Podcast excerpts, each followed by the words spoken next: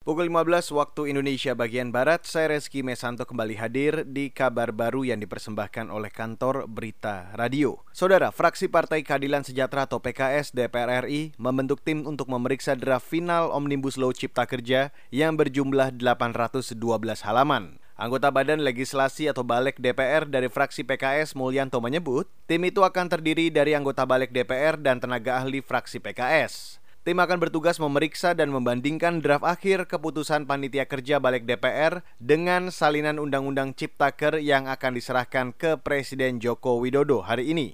Langkah ini dilakukan untuk menjaga marwah DPR sebagai lembaga yang terhormat, termasuk menjaga kualitas proses regulasi di Indonesia. Hari ini DPR menyerahkan draft Undang-Undang Ciptaker ke Presiden Jokowi.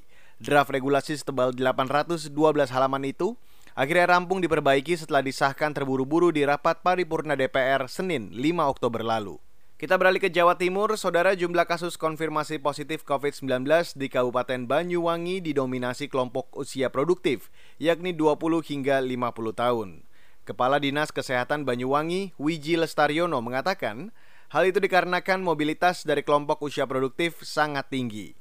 Kelompok usia produktif ini berpotensi menjadi pembawa virus yang bisa menularkan virus corona kepada keluarga, kerabat atau kelompok orang-orang yang rentan. Kelompok umur di atas 50 tahun atau 60 tahun bahkan itu hmm. sedikit sekali.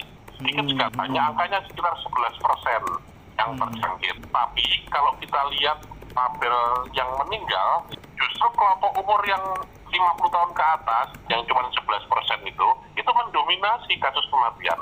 Kepala Dinas Kesehatan Banyuwangi Wiji Lestaryono menyebut, penyakit bawaan membuat angka kematian akibat COVID-19 di Banyuwangi tinggi. Untuk menekan penularan, pemerintah Banyuwangi mendirikan pos pembinaan terpadu di setiap kelurahan dan desa dengan pembinaan puskesmas terdekat. Hingga selasa kemarin, 1.500-an orang dinyatakan positif COVID-19 di Banyuwangi, hampir 120 orang di antaranya meninggal. Saudara, kasus infeksi virus corona di seluruh dunia hingga kemarin mencapai 38 juta orang lebih. Dengan angka kematian melebihi 1 juta orang, data John Hopkins University menyebut Amerika masih berada di puncak infeksi dan kematian akibat corona. Negeri Paman Sam itu melaporkan 7,8 juta kasus dan 215 ribu kematian. Posisi kedua ditempati India dengan jumlah kasus mencapai 7,1 juta kasus dan Brazil di urutan ketiga dengan 5,1 juta kasus COVID-19. Saat ini sejumlah negara di Eropa, Cina, dan Hong Kong tengah dihadapkan pada gelombang baru penularan virus corona. Aturan penguncian wilayah atau lockdown terbatas juga kembali diberlakukan di sejumlah negara di Eropa seperti Belanda, Inggris, dan Prancis. Saudara, demikian kabar baru pukul 15 waktu Indonesia bagian Barat. Saya Reski Mesanto.